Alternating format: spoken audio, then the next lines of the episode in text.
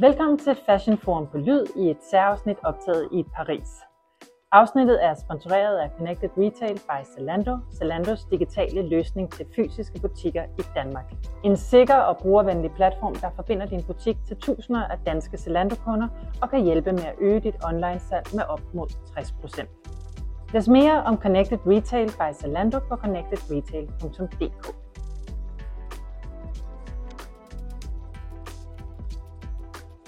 Lige nu er Paris Fashion Week i fuld gang, og derfor tog Fashion Forum tidligere på ugen en tur til Paris for at se nogle af de danske brands, der er en del af kalenderen. Her besøgte vi Cecilia Bansen i hendes showroom dagen inden brandets fjerde show i byernes by til en snak om kollektionen og hendes forventninger til showet.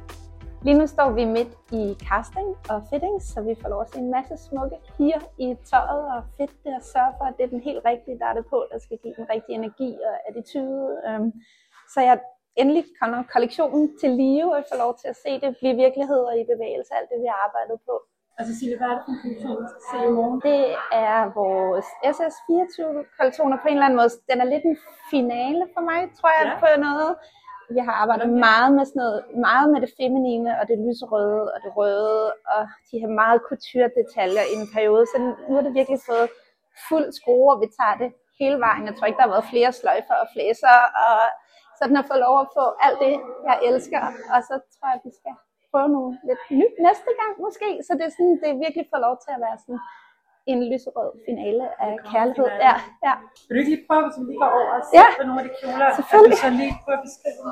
Jeg er vildt excited omkring strikken, for det er også noget, vi har arbejdet med længe. Hvordan kan vi have vores sådan skandinaviske strik, men på sådan en super feminin måde, der også gør det samme som vores tekstiler, og hvor du stadig får teksturerne og blomsterne og letheden og sådan en femininitet i det, så man også kan have strikken med på sommerkollektionerne. Så vi arbejdet med de her sådan store gingham som vi kalder dem, som jeg synes er vildt fedt op imod det meget bløde og feminine, at man ligesom får noget, der er grafisk, der gør noget andet til det skulpturelle. Og på en eller anden måde, jeg troede, det ville blive meget sådan kompleks, men når det kommer på, så har det bare sådan en, en lethed og en, en is til sig, som er virkelig fin, og det tror jeg, det er som også meget på en eller anden måde kendetegnet for kollektionen, og det vi også gerne vil fange med showet i morgen, er det der med, at når du er helt op på, at du kan se alle detaljerne og håndværket og alt det arbejde, der er gået i, men at det bare går forbi dig, så føles det også bare helt let, og som om, at jamen, sådan skal det bare være. Eller sådan, at det ikke ja. er så komplekst. Så vi har meget layering med stadigvæk, både i de transparente ting, også med i, i denne, hvor du får det sådan helt tynde og lette sammen med det tunge, så man også i de der sådan everyday pieces også får mixet ind det helt bløde. Hi. Yes, you just have to see the girls over here. Der kom lige en model, der Yes. skulle ind og se. Ja. Og så er der noget, hvor du tænker, nu sagde du det her, det var en finale, men er der noget, hvor du tænker sådan, her der får vi noget, altså den her denim, som vi står Ja. og kigger på, den er jo ikke ny i denne, men det er alligevel et noget andet look, end jeg synes, Ja, altså jeg tror, vi har mange flere separates, altså mange mere toppe og nederdele og sammensætninger, så der har også været meget mere styling i kollektionen, end vi har haft før, hvor at vi er jo meget kendt for kjolen. Mm. Så det der med også sådan, jamen, hvordan toppen med nederdelen med jakken med, med strikken, så det er meget mere sådan, at du også kan kombinere det og lave det til dit eget, men også bygge looket op og bygge layeringen op. Øhm, og sidst det andet et af vores striklook, hvor du så får den blomstrede strik med den transparente, altså hvor du så næsten har 4-5 dele i en, så det kan også noget. Og det er sådan en naturlig måde at bygge, fordi det er jo ikke bare en kollektion, det er jo også dit brand, der skal Ja, bygges ja. og udvides. Ja, så det er jo det, der, det er sådan, altså det er det for mig showet stadig kan, det er, at det skubber dig ekstra meget, også så du kan se, at vi at stadigvæk har symaskinerne med, og sådan, det der med, at der er ikke noget, der er færdigt til det øjeblik, det ligesom går ud på scenen, eller hvad man nu skal sige, så man, man bliver ved med at skubbe sig selv og se, kan man lige gøre det lidt bedre, eller kan man lige refine det, så der er sådan en også konstant analyse, der både kører ind i mit hoved og i teamets hoved på, hvad er det for en historie, vi vil fortælle, hvordan vil vi sætte det sammen, som så inspirerer helt vildt meget også det næste, der kommer, men at man ligesom sådan, ja, arbejder med det på en helt anden måde, end hvis det bare er et fotoshoot. Ja. Du har tidligere fortalt mig, at I, sådan, I arbejder meget sammen omkring at Ja. konstruere Ja. øh, en style. Ja. Hvornår, hvornår ved I, og hvornår beslutter I, at nu er den der? Øhm, det, er for, det, det er forskelligt, øhm, også med efterhånden, som vi har forskellige kategorier. Altså for eksempel med strikken, den bliver designet før noget af det andet, fordi mm. det tager så meget længere tid at udvikle det, og det skal laves på fabrikkerne, øhm, hvor at, at nogle af kjolerne kan vi lave øhm, ja, i studiet, eller endda lave færdig hernede, som giver en anden mulighed for at kunne, kunne blive ved med at arbejde på, hvad looket er. Øhm, Og nu siger du lave hernede. Jeg ved, I kom søndag i dag, der er det tirsdag, ja, og I har showet i morgen. Men hvor, hvor, længe, øh, altså, hvor længe har I arbejdet på det her show og den her kollektion? et lille halvt års tid, tror jeg. Men vi starter jo også helt fra scratch, ikke? så vi Ja. tegner jo stadig tekstilerne og laver de første prøver, så det er fra 2D til op på en gine, til hen på en pige, til hvordan det så til sidst går ned af catwalken. Så der er mange elementer i, at det bliver til. Og nu Øhm, sagde du, at symaskinen var med. Ja. Altså, hvornår stopper I med at sy? altså jeg håber lige om lidt, lad os håbe på det. Øhm, Så et altså, tid før. Altså i, i aften skulle vi gerne være færdige. Det er de aller sidste små ting. Mangler der lige en sløjfe? Skal der lige være en lille flyaway eller et slæb, eller hvad vi nu kalder det, der giver den der bevægelse ned. Så det er de helt små detaljer. Kollektionen er sådan rimelig meget samlet, inden vi tager afsted. Og Cecilie, nu er det jo dit fjerde show hernede. Hvordan, øh, nu tænker jeg, nu kommer du også med noget Ja. ekspertise Ja. i at gøre det her. Vil, Ja. hvad, hvad betyder det for dig? Der er en tryghed mere, end der måske, hvor man følte på de første, at man, man var lidt på udebane. Som, mm. Hvor man, det begynder at føles trygt. Vi tager det hele samme team med, som vi også arbejder med, da vi lavede show i København og sådan noget. Så det, det er stadig en familiefølelse, eller hvad man nu skal kalde det. Øh, men, men man får en rutine i det. Det betyder ikke, at man ikke er mindre nervøs, eller det ikke er mindre excitement, men man ved ligesom, hvad man går ind til. Øh, man ved også, hvad man arbejder op mod, som gør alle excited. Så det er sådan en, ja, en dejlig form for rutine Ja. måde. Ja, Det giver god mening. ja, Er der noget lige her til sidst, fordi jeg ved, du skal videre. ja. Men øh, hvad glæder du dig særligt til i Jeg morgen? tror, at det, altså i morgen er det jo helheden af det hele kommer ja. til.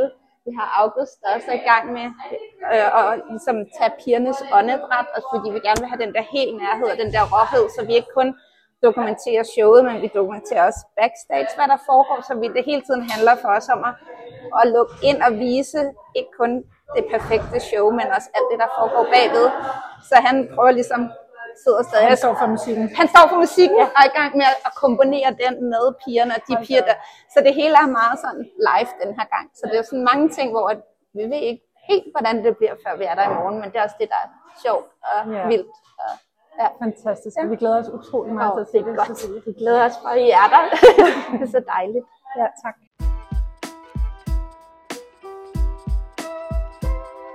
I showroomet mødte vi også Ulrik Garder Due, der er bestyrelsesformand og interim CEO hos Cecilie Bansen, der tidligere har siddet i topposter hos brands som Celine og Burberry. Lyt med, når vi taler med ham om, hvad der fik ham til at tro på Cecilie Bansens talent, luksusbegrebet og hvad en CEOs rolle egentlig er i forbindelse med et modeshow.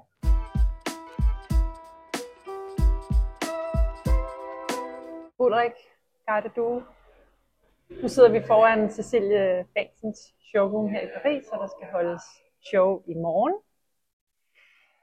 Din relation til Cecilie startede jo, da du var mentor under Dansk Design Talent magasinprisen, det der i dag hedder Vessel og Fedt-prisen.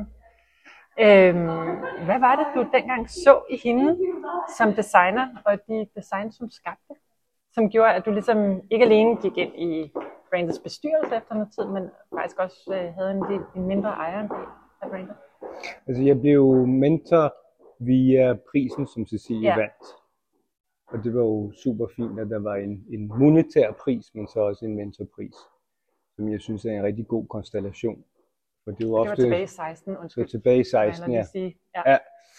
For jeg synes ofte, at unge, dygtige, talentfulde designere har brug for noget støtte fra business-siden. Mm. Og derfor hænger den konstellation, som, som prisen giver, rigtig godt sammen. Og da jeg så mødte øhm, Cecilie, så var kemien der med det samme. Øhm, og fascinationen fra min side omkring at se en fantastisk dø, kreativ persona, men som også og i voksende grad har et ret godt forretningsindblik. Jeg siger altid, du har måske en stærk venstre hjerne mm. halvdel, men, men den er ret godt balanceret mellem højre og venstre. Men kunne du mærke det fra starten? Cecilie altså har jo en, en, en meget smuk, øh, sådan udmy og måske lidt genert øh, måde at udtrykke sig på, og, og det havde det specielt dengang, hun blev moden meget siden. Men man kunne godt høre meget hurtigt, synes jeg, at indimellem hendes øh, sådan meget beskedende måde at fremlægge tingene på, så var der en stærk drivkraft Mm. og en, en øh, stærk personlighed med et ambitionsniveau, som ligesom drejede sig om, at nu skulle hun få det her op at stå. Og det synes jeg var, var spændende. Du har en lang karriere som øh, topleder hos blandt andet Celine, Burberry, Georg Jensen, Fiskars med flere. Og flere gange så har du siddet med store turnarounds af brands. Men her, der var jo ligesom med Cecilie Bansen, der var jo ligesom et brand, du har været med til at gro og vækste fra starten. Hvilke parametre har du især haft for øje fra starten? Altså, jeg har i min karriere jo arbejdet med mange kreative talenter, Ja. og det, som jeg selv øh, synes er så spændende ved den her industri, øh, som jeg har valgt at gøre karriere i, det er netop at have med at gøre kreative talenter og den hardcore business side. Mm.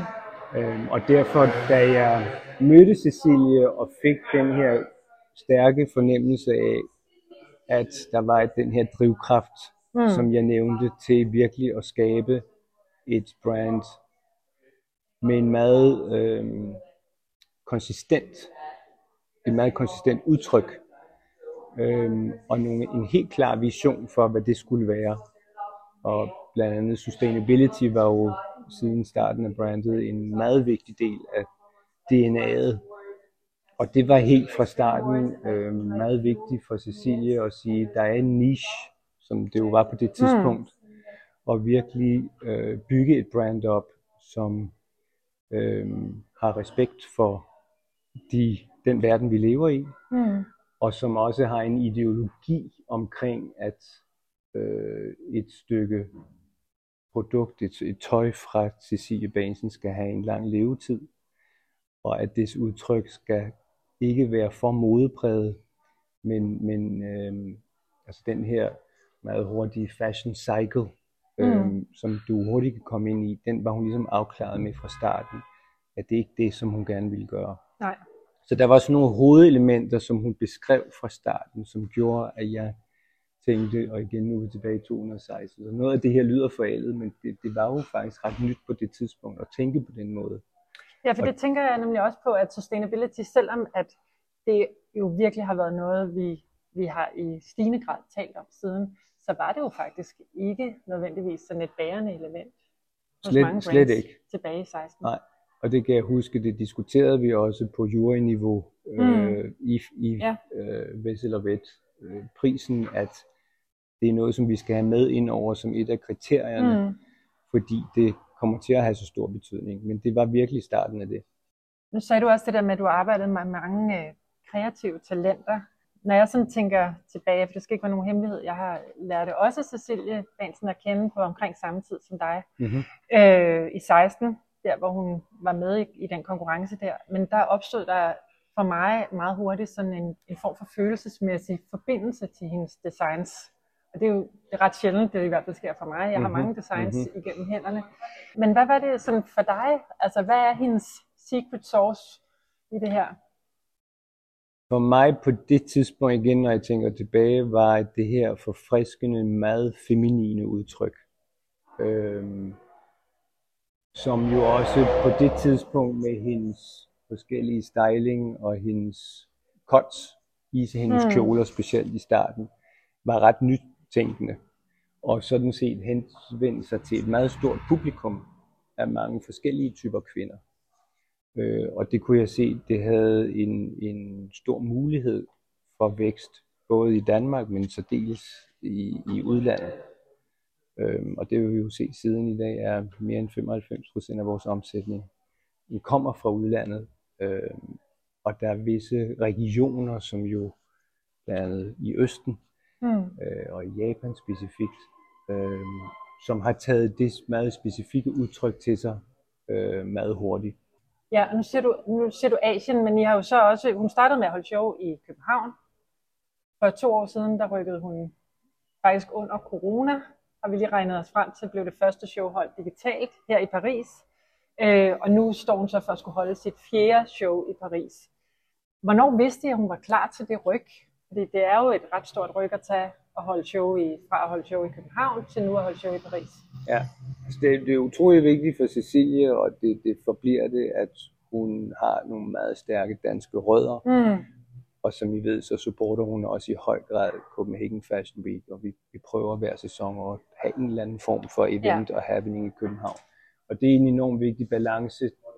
Øhm, så da vi stod øh, der for et par år siden og sagde, nu tror vi, vi er klar til at gå i gang med Paris, mm. for at udbygge vores øh, omgangskreds, lad os kalde mm. det. Øh, ja. Både inden for selvfølgelig presse og medier, men også inden for vores kundekontakt. Øh, så tog vi springet øh, og sagde, for virkelig at vi kan opnå det med den intensitet, som vi mener, at brandet kan klare nu, mm. så bliver vi nødt til at vise også i udlandet. Og der tog vi så springet øh, og viste det for første gang her for, for fire sæsoner som du siger, fem sæsoner siden. Mm. Og hvad vil du så sige, at det sådan konkret har haft af betydning? Det har udbygget vores community med en hastighed, som har været helt fantastisk. For som, som vi ved, så når du er her til både i showsene, men også i showroomsene, øhm, så har du toppen af, af alle inden for industrien, som, som altså influencers og opinion makers, som kommer til de forskellige mm. øhm, fashion shows og showrooms, om det er i Milano, Paris eller London, New York. Men, men det er ligesom hovedstederne, som jo går for tur øh, inden for de samme par uger. Jeg er glad for, at jeg ikke er i jeres sko, for det er meget rejseri, hvis du skal nå det hele. Men der føles det rigtigt at gøre det i Paris, og, og vi var jo meget stolte over at komme på den officielle kalender ja. af federationen her, som ikke er så let. Det er der øh, faktisk ikke særlig mange danske brands. Nej, nej det, så det var en, en ære i sig selv. Mm. Øhm, jeg tror også, at det, at Cecilie var nomineret til LVMH, ja. fashionprisen, gav hende øhm, sådan en idé om pludselig at agere i det parisiske modemiljø. Ja hvor hun følte sig hjemme, og hvor det ligesom organisk blev det rigtige next step at, at ja. blive del af, af um, showsen her. Ja, så en ting er jo den her udvidet brand recognition, og jeg tænker jo også, der er også fuldt et udvidet klientel med, som får øjnene op for, for brandet, i og med, at I holder show hernede. Absolut. Altså du får, du får en uh, eksponering, som, uh, som er fantastisk. Uh, som, som du til dels skal få ud fra en by som København, men, men ikke på samme måde. Hmm. Og hvad med, der, der må følge en masse ting med, som jeg tænker, øh, og der er det jo rigtig godt, at du sidder som direktør, for der er vel også noget med prissætning af tøjet og alt muligt, som følger med, når man pludselig bevæger sig øh, og har udgangspunkt i en international scene. Ja, interessant. Altså jeg tror, vi, vi altså alt hjemmearbejde sker jo i København. Ja. Så jeg tror, det er meget vigtigt, når vi, vi laver vores prispyramider, og vi laver sådan i detaljer vores positionering mm. inden for de forskellige produktkategorier, at vi så tænker kvalitet, øh, value, ratio, mm. det skal være det rigtige. Øh, og om du handler derhjemme som en dansk consumer eller en udenlandsk, så er det meget vigtigt, at, at det niveau er i orden. Så jeg vil ikke sige, at vi satte priserne op, fordi vi kom til Paris. Nej. Øhm, men vi, vi har en prissætning, som er internationalt konkurrencedygtig, og som ligesom gør, at vores, vores varer øhm, er positioneret på en, en, den rigtige måde. Ulrik, nu er du jo, øhm, du har været arbejdende bestyrelsesformand i Cecilie Bansen i mange år. Lige nu er du så interim CEO, fordi Christine Løbner er på barsel. Hvilke, jeg går ud fra, at du ikke bare tænker, at du lige skal, skal passe butikken, men at du også har nogle mål i den ja, periode. det har faktisk været en super spændende ja. periode, og er det, er det stadigvæk, øh, og en god chance for ligesom at, at gå for den her operationelle bestyrelsesformands mm. rolle, hvor du kommer ind i visse detaljer, men ikke, ikke helt i dybden. Øh, det er ikke ens rolle. Øhm, så derfor har det været rigtig interessant og udviklende, og også måske i fremtiden nemmere for os i bestyrelsen at tage de rigtige strategiske beslutninger, fordi jeg nu har kunnet få mere indblik i forretningen i detaljer. Plus, meget vigtigt for mig, intet skal jo alene, og, og Cecilia har et unikt talent, men det har vores team også. Så at lære teamet at kende og forstå de øhm, kvalifikationer, som ligger i hver vores skønne teammedlemmer, og ligesom hvordan vi kan sørge for at udvikle hver deres karriere og bygge teamet op omkring mm. Cecilie, øhm, har været virkelig givtige at bruge mere tid med dem og, og lære alle bedre at kende. Du har jo, du har jo din base her i Paris, men du, jeg går ud fra, at du bruger mere tid i, øh, i København nu så. Lige nu er det nok 50-50, men øh, jeg er i København et, et par gange om måneden og nyder det. Jeg har altid haft jo et fast og vigtigt tilhørsforhold til Danmark, selvom jeg boet i udlandet. Øh, jeg har fortsat et sommerhus i Danmark, har altid haft det. Og, og, så det er meget vigtigt for mig, ligesom for Cecilie sådan set, at, mm. at blive ved med at, og, øhm, og det tror jeg nok er en af vores styrker, ofte som danskere, at bibeholde ens, øhm, ens eget DNA og mm. ens værdisæt. Øhm. Men, men hvad er det egentlig, det betyder at komme fra København eller fra Danmark, når man bliver, når man bliver set på fra udlandet af som brand? Altså jeg tror, en af vores styrker, men også svagheder, nu har jeg også arbejdet med et par andre øh, danske brands, øh, for eksempel Geo Jensen. Vi skal passe på derhjemme, ikke at være for humble. Mm. Altså, det, hvordan, det hedder ydmyg. ydmyg. Men forstå den, rigt, som den rigtige niveau af at, at lave tilpas støj, når du skal agere i et meget mm. konkurrerende stort udenlandsk marked. Men samtidig er der jo noget meget smukt i at være ydmyg. Så det er lige at finde en rigtig balance. Øhm, men det tror jeg, at, at flere danske virksomheder godt kunne bruge lidt mere af, måske at skrue lidt op for lyden mm. en gang imellem. Øhm, ja. Fordi du bliver nødt til at lave noget støj, når du skal, skal gøre det godt i udlandet. Der kan man sige, Cecilia er jo så også uddannet fra Central St. Martins. Ja. Og øh, det synes jeg, man kan se på flere af de danske designere, vi har, at når de kommer derfra, så har de altså lært lidt mere om at agere i, nu skal jeg passe på, hvad jeg siger her, men altså i hvert fald lært at agere i et meget konkurrencepræget øh, miljø, ja. som klæder dem i hvert fald godt på til at kunne agere Helt internationalt. Ja. Og så tror jeg, at for Cecilies vedkommende var hendes øh, praktiske erfaring hos Erdem enormt vigtig, mm. fordi der så hun virkelig med base i London, hvad det betød at bygge et brand op på det tidspunkt, jo ikke, ikke fra begyndelsen, men næsten til en ret stor givtig forretning. Så, så det var en super god øh, erfaring for hende, inden at gå i gang med mm. sit eget brand. Ja, helt sikkert. Du er jo selv, nu har jeg jo læst lidt op på dig også her, inden vi skulle mødes. Øhm, der bliver lige spillet lidt, øh, lidt bold og hygge her i gården. Du er jo i danske medier blevet kaldt luksuskonge, øh, og har også selv sagt, øh, at du er meget optaget af, og det sagde du også, var du også inde på tidligere, men det der med, hvordan man kan blande god stil og smag, og så tjene penge på det. Mm-hmm. Hvad vil du sige karakter luksus for dig? Fordi luksus, det er jo sådan et, på mange måder, lidt sjovt begreb. Øh, ja, og det har udviklet sig meget, ja. ikke? luksusbegrebet. Okay. Det, det kan vi få en lang snak om, hvad ja. er definitionen af luksus, men jeg tror, at for mig kommer det tilbage til det, vi talte lidt om, med at finde den rigtige kvalitet, mm. streg, håndværks, håndværk øhm, til den rigtige pris. Og det er enormt vigtigt for mig, at og det er jo ikke alle brands, synes jeg, som agerer sådan, så du bliver ofte bedt om at betale for meget for varer, som ikke har den værdi, som de bliver sat til. Og for mig der er det meget vigtigt, at, at for et luksusbrand, der skal det være i orden. Det skal være balanceret. Plus det, som vi også kort taler om. Øh, for mig er luksus øh, ofte, og, og i højere og højere grad, øh, noget, som har lang levetid. Mm. Og jeg synes, det er meget spændende, som vi jo også bruger meget tid og energi på at sige, jamen skal et Cecilie Baset produkt ikke have potentielt flere liv? Mm.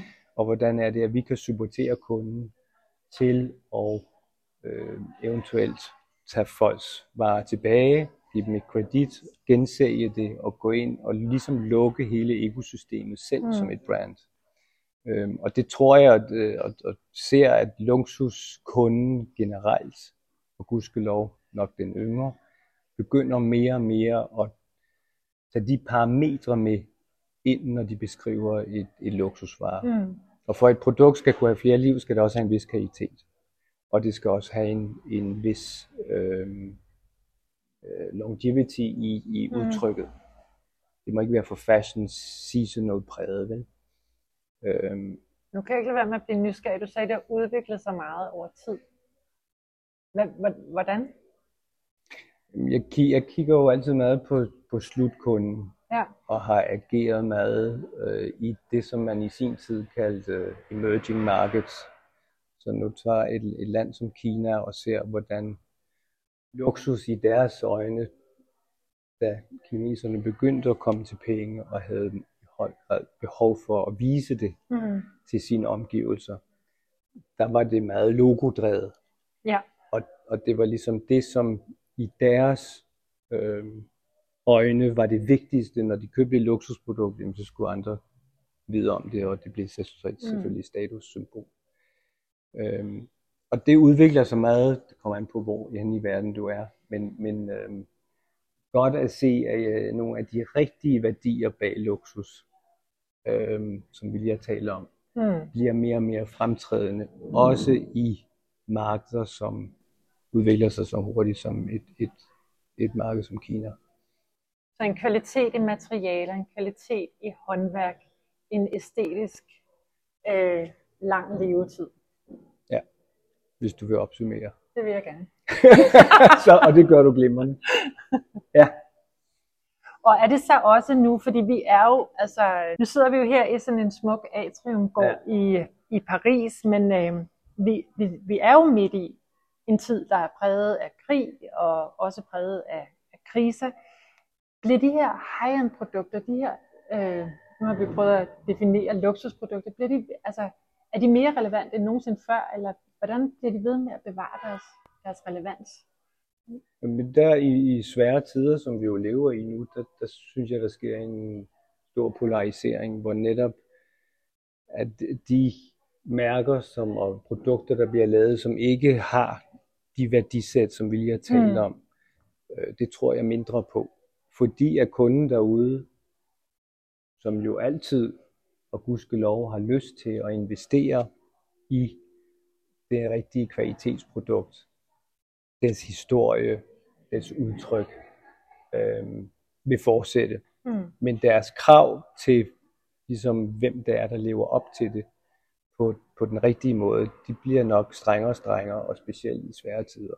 Mm. Men det er jo sådan set positivt nok. Mm. Det er det da. Jeg vil til at runde af, men jeg har lige to spørgsmål endnu. Og det ene er, øh, nu har jeg fået nævnt det nogle gange, vi står her midt i modelcasting, og der er fuld gang i den, og symaskinerne kører stadigvæk nærmest. Som CEO, i forbindelse med sådan en show, hvad er din rolle? Hvad laver du? Udover at tale med mig. Jeg øhm, er utrolig øhm, ops på, hvordan teamet fungerer mm.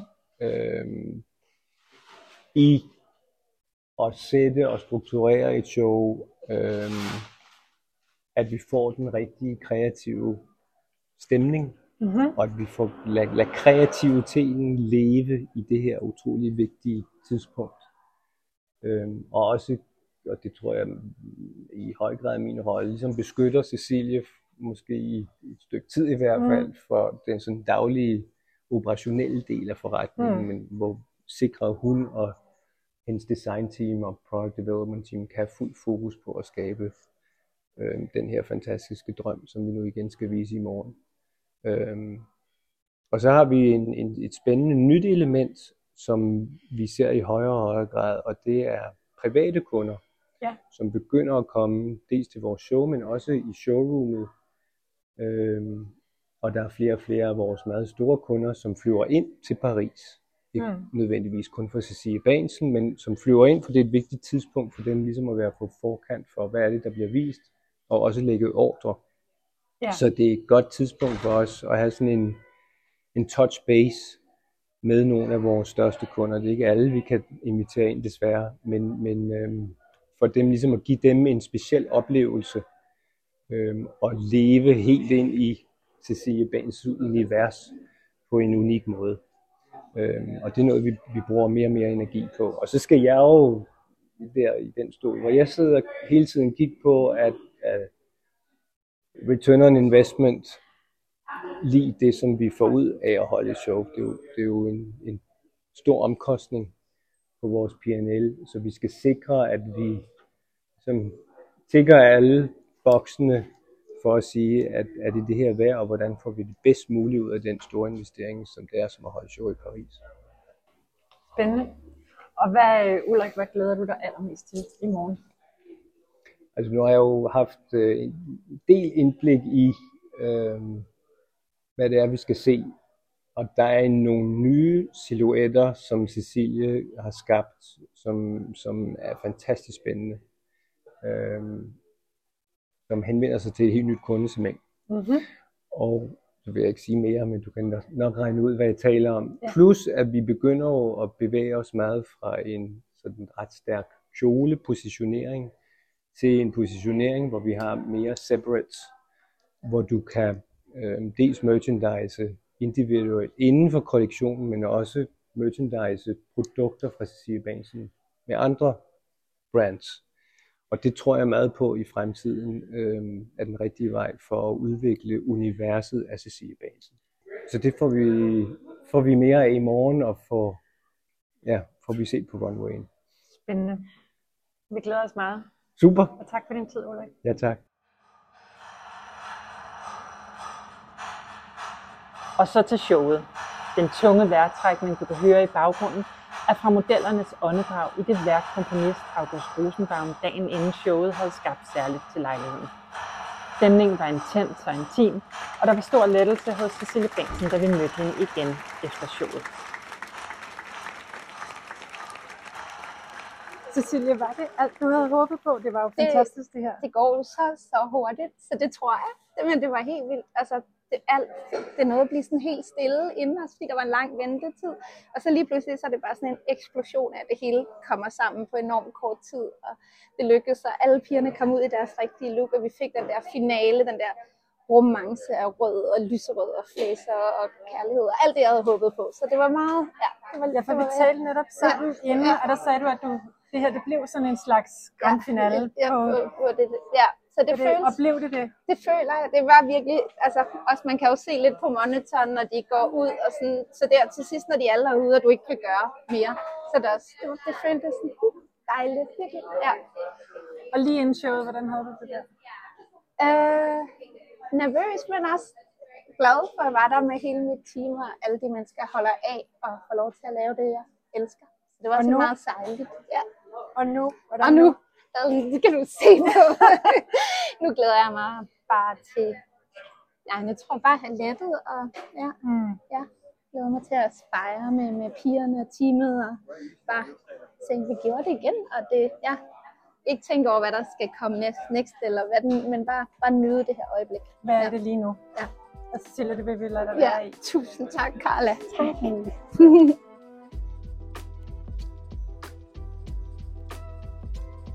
Du har lyttet til Fashion Forum på Lyd i et afsnit direkte fra Paris. Vi håber, I kunne lide, hvad I hørte og kunne bære over med Paris baggrundsstøj. Husk, at du altid gerne må rate og abonnere på vores kanal, og del den gerne med dem, du kender. Programmet er produceret og redigeret af Amalie Tejls Øbel, og mit navn er Carla Christine Bros Ågaard Struve. Vi lyttes ved.